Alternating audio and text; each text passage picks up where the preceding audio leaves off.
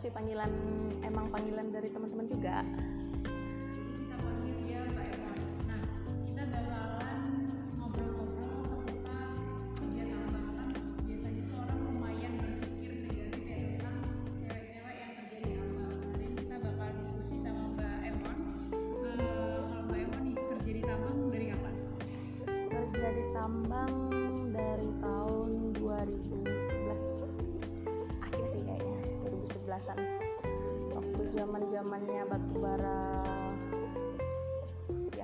bara naik? Ya 9 tahun ya berarti. ya 9 tahun. Itu memang pengen kerja di tambang atau cuma kayak kepaksa atau ala kadarnya emang adanya cuma kerja itu? kalau enggak sih. Pertama pertama kali kerja itu aku pengalamannya di finance. Justru di finance ya. Setahun di finance aku resign karena waktu itu anak aku sakit. Terus aku nganggur Eh, kebetulan di kampung aku ada ada perusahaan batu bara. Hmm, terus dipanggil sama keluarga disuruh kerja di sana. Pengennya sih awalnya itu langsung kepengen jadi female HD eh, female operator. Karena kayaknya ngelihat ngelihat saudara tuh kayaknya asik gitu cewek bawa unit gede gitu kan. Jadi awalnya tuh pengen banget jadi operator tapi orang tuanya nggak boleh. Jadi ya fokusnya jadi ke sampai di office sampai sekarang Dia awalnya finance dulu itu ya? ya awalnya di finance kesan pertama eh, masuk di dunia tambang tuh gimana? kesan pertama eh, kesan pertamanya menarik ya karena pertama kali kerja di perusahaan itu kebetulan perusahaannya perusahaan yang emang perusahaan besar perusahaan Australia jadi kaget aja gitu waktu sampai di sana kok eh, cewek sendiri gitu. Nggak cewek sendiri sih waktu itu ceweknya ada tiga atau empat gitu. Cuman setiap satu shift itu ada satu ceweknya. Jadi kebayang aku yang baru pertama kali kerja kumpul semua laki-laki dan gede iya dan aku sendiri gitu kan. Dan ya kaget aja sih. Cuma lama-lama asik. Ya ya sampai 9 tahun. Iya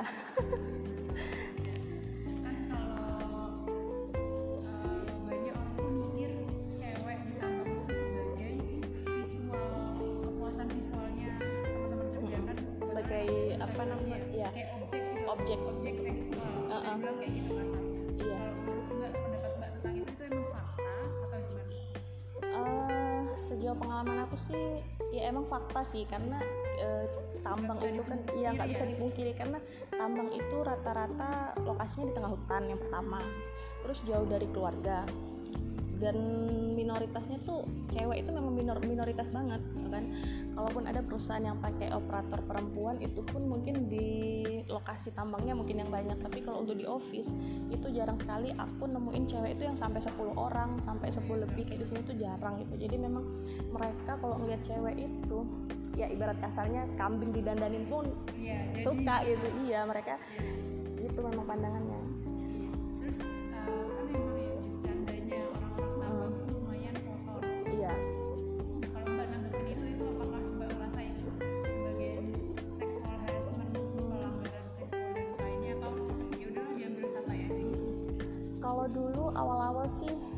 aneh gitu kan. Kok mereka ngomongnya gini gitu kok kayak seolah-olah kita ini dianggapnya eh, pandangan kita ini kayak kita tuh rendah banget gitu ya di, mereka tuh punya apa namanya eh, apa sih namanya fantasi iya fantasi sendiri gitu terhadap kita kan. Tapi lama kelamaan kita tuh jadi terbiasa karena kalau menurut aku ya kita itu memang bergaul dengan orang-orang yang mayoritasnya begitu.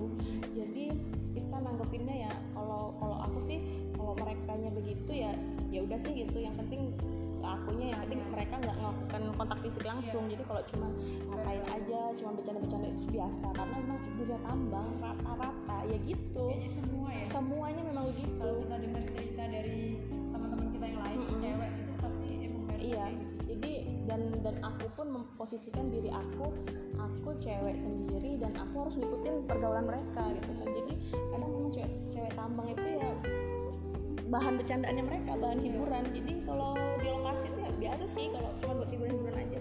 Dan selama aku di tambang sih alhamdulillah walaupun mereka apa namanya ibaratnya ngomong jorok ngomong kotor itu ya yang penting nggak kontak fisik aja lah intinya gitu kan.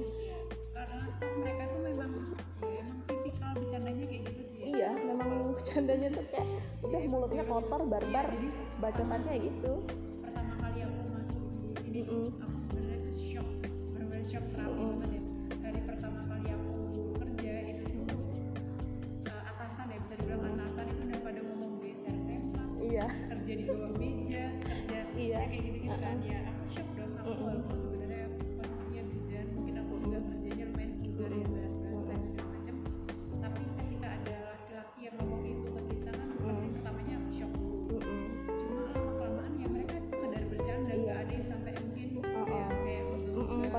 ada. Atau ngajak beneran serius ngajak sini sini? Iya.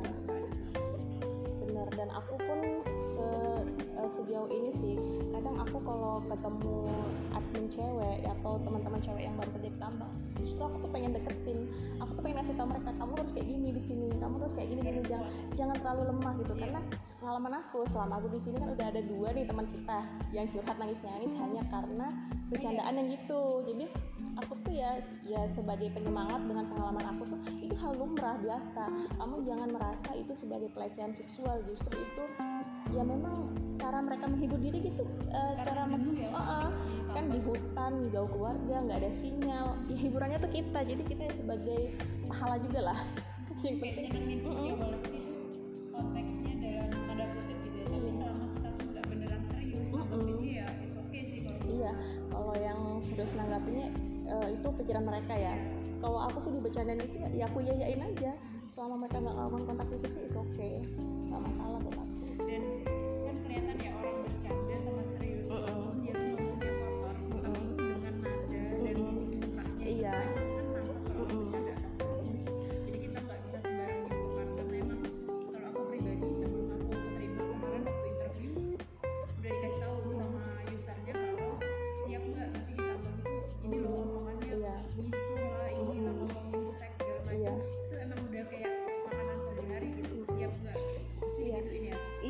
Iya, jadi justru eh, aku itu dulu waktu kecil, aku kan besar di Jawa. Jadi yang namanya miso itu kayak Ya, cacuk cacuk Iya. itu kan itu hal yang memalukan lah apalagi buat anak cewek kan tapi ya seiring berjalannya waktu bapak aku jadi terbiasa karena emang lingkungan aku begitu Iya. di tambang itu mereka ngomong cacuk cacuk itu udah biasa jadi kita bawa sampai ke rumah itu orang tua Iya. itu udah nggak kaget karena memang lingkungan aku begitu gitu kan yang emang cowok semua bicaranya begitu dan apa namanya alhamdulillahnya ya kebiasaan aku di tambang itu eh, mereka nggak banyak tahu keluarga di rumah karena kita kan punya sisi yang sisi lain yang berbeda ya di tempat kerja kita membawa diri kita seperti ini karena ya di rumah beda gitu cuman ya kalau ngomong-ngomong yang kayak cacuk gitu ya di, ditambang sih aku sampai berani ngomong gitu karena ya memang pergaulan sih Iya, karena emang hampir semuanya ngomongin gitu. iya Awalnya kaget kan, tapi mereka bilang itu panggilan sayang dan lain sebagainya. panggilan keakraban sih Iya, kalau kayak balik karena emang mayoritas kan orang Jawa, Iya, Surabaya, iya. kan logatnya udah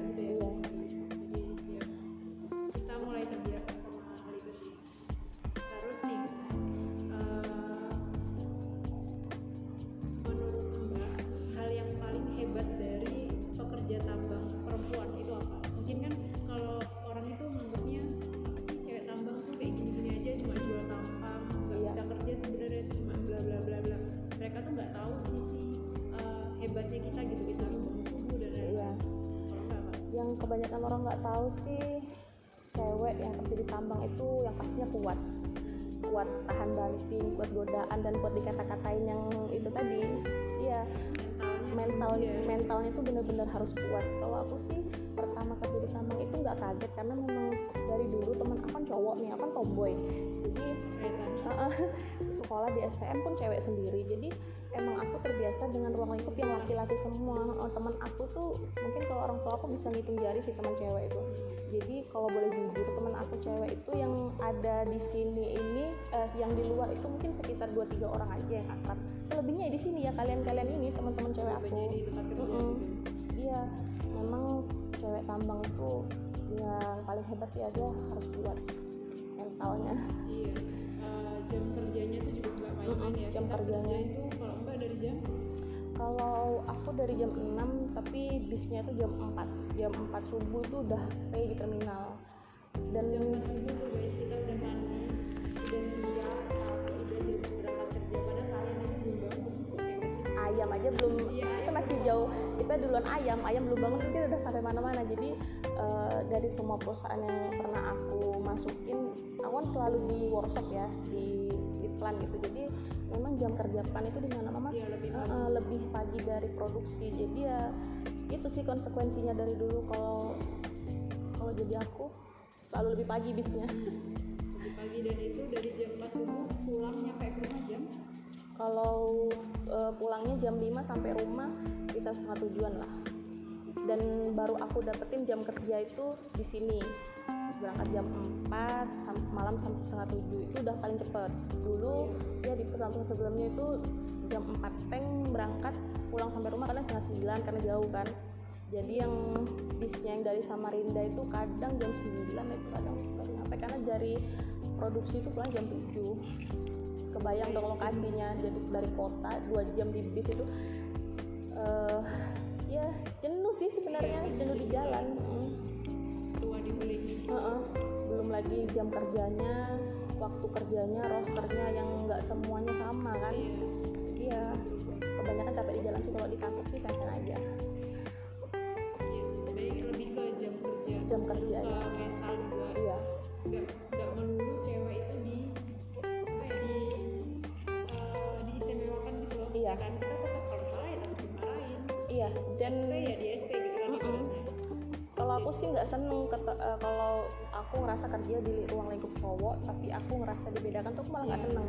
Jadi aku ngerasa kalau aku harus kerja kayak mereka kuat seperti cowok ya udah. Karena ini konsekuensi kita kan masuk di dunia mereka ya udah kita maksimal lah iya gitu. kita harus buktiin kalau ya cewek cewek tambang itu gitu. nggak manja. Iya nggak cuma yang model tampang seperti yang diomongin orang-orang manjanya di rumah aja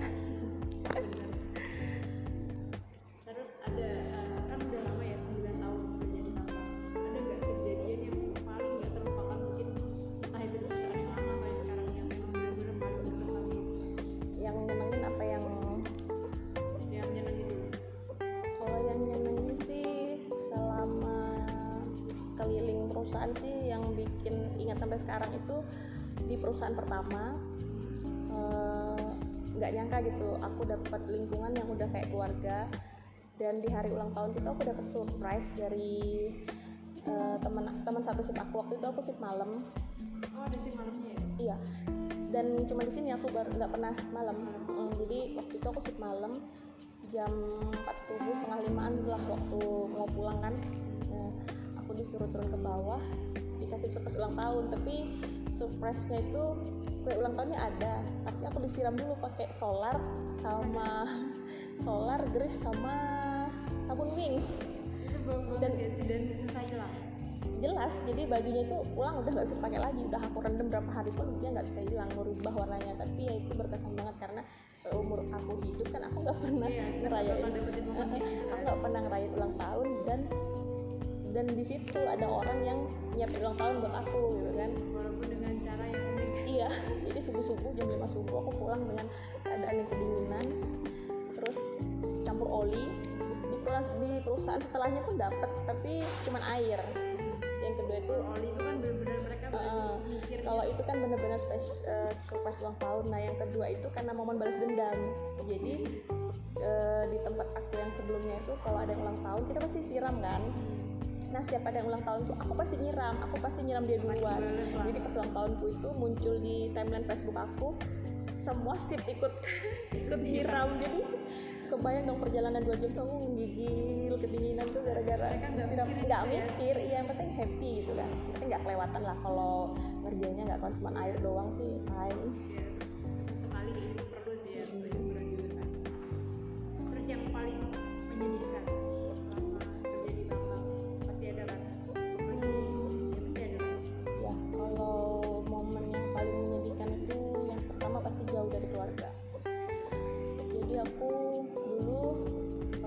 kerja itu walaupun di kampung ibuku eh, banyak saudara-saudara di sana tapi aku ngerasa kayak sendirian gitu kan. Waktu itu anak aku masih kecil dan uh, apa namanya di saat itu anakku ikut aku di saat oh iya? Iya jadi kecilnya anakku itu anakku masih umur berapa ya? Empat tahun gitu. Dia gede jadi dia ikut aku tinggal di site. Setiap aku berangkat subuh aku harus titipin dia ke tetangga. Dan selama aku di sana itu tiga kali ganti pengasuh. Mungkin karena uh, anak masih kecil mungkin ada yang nakal atau apa mungkin nggak tahan pengasuhnya. Jadi uh, terakhir aku titipin dia ke tetangga. Dan itu momen yang menyedihkan itu di lo di saat itu nggak ada listrik. Terus kos-kosan seadanya. Karena aku nggak tinggal di mes kan tanya betah nggak tinggal sama ibu di sini gitu kan. Jauh uti jauh kakung jauh neneknya. E, satu yang nggak bisa aku lupa itu anakku umur segitu udah bisa ngomong e, enggak aku betah di sini katanya. Aku yang uh, aku susah senang yang penting dekat sama ibu gitu kan. Nah itu perkataan yang dia nggak nggak pernah bisa aku lupa sampai sekarang. Kadang dia main itu sampai gelap kan gak ada listrik ya. Jadi dia main sepeda sampai gelap itu dia baru pulang terus kalau aku masuk malam. Sendiri gitu ya dia iya. lain. Uh -uh. terus padahal kan aku kerja terus siang malam kan. Kalau aku shift malam ya aku pulang tidur. Aku nggak mungkin punya waktu buat nemenin dia gitu. Kan karena aku ngerasa di tetangga-tetangga aku banyak anak kecil jadi aku waktu itu mungkin pikiranku masih ah biarlah dia banyak temannya main jadi aku tidur gitu kan. Nah dia itu dengan uh, apa namanya seorang anak kecil dia punya pikiran alarm yang biasa aku pakai buat bangunin aku. Setiap mau berangkat kerja itu dibawa main oh jadi dia tahu. Iya jadi dia aku cuma bilang nanti kalau alarmnya ibu bunyi nggak bangun bangunin ya nak gitu kan. Uh, jadi dia takut dia asik main dia takut uh, lupa pulang Iya. dibawanya ke mana-mana. Jadi alarm itu seharian dia main uh, main sepeda sehari juga dibawanya jam 4 bunyi pulang dia mau bangun kerja gitu. Mm-mm. terus waktu aku pindah di luar kota sedih yang kedua ya sama jauhnya. Waktu itu hampir 9 bulan aku nggak cuti itu udah tersiksa banget rasanya waktu itu anak-anak aku udah kelas 2 jadi posisinya memang aku dari user nggak dikasih cuti karena karena kerjaan aku backup semua nggak ada yang bisa megang pendingan Heeh, mereka takut waktu aku nggak aku nggak ada takut kerjaan itu terbengkalai kan. Jadi setiap aku mau cuti depending depending depending. Sampai aku hitung itu hampir 9 bulan dan anak aku itu yang biasanya tahu ibunya tiap tiga bulan sekali pulang dia tuh sampai ngomong ibu nggak pengen pulang kak katanya. Aku nih kangen katanya. Dan satu hal yang bikin aku selalu pulang itu kalau dengar dia sakit apa pun yang terjadi aku pasti pulang kalau aku dengar dia demam demam sedikit aja walaupun jauh aku pasti pulang. Jadi itu beda pulau ya beda eh, dia udah di Kalimantan Utara. Jadi waktu itu aku dengar dia sakit demam tiga hari udah selesai tutup buku aku pulang. Ya untungnya nggak dicari sih. Bosku tahu gitu aku memang dokternya cuti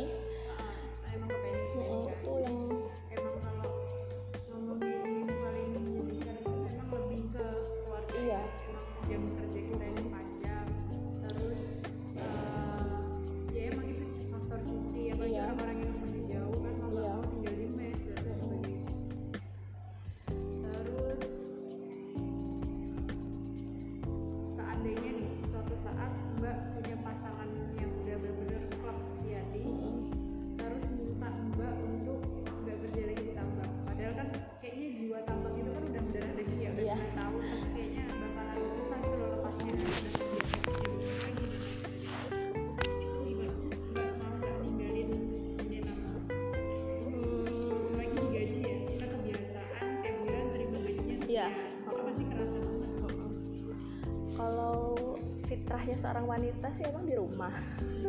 Mau gimana pun itu di rumah kan tapi aku kembali lagi ke eh, apa namanya wanita boleh kerja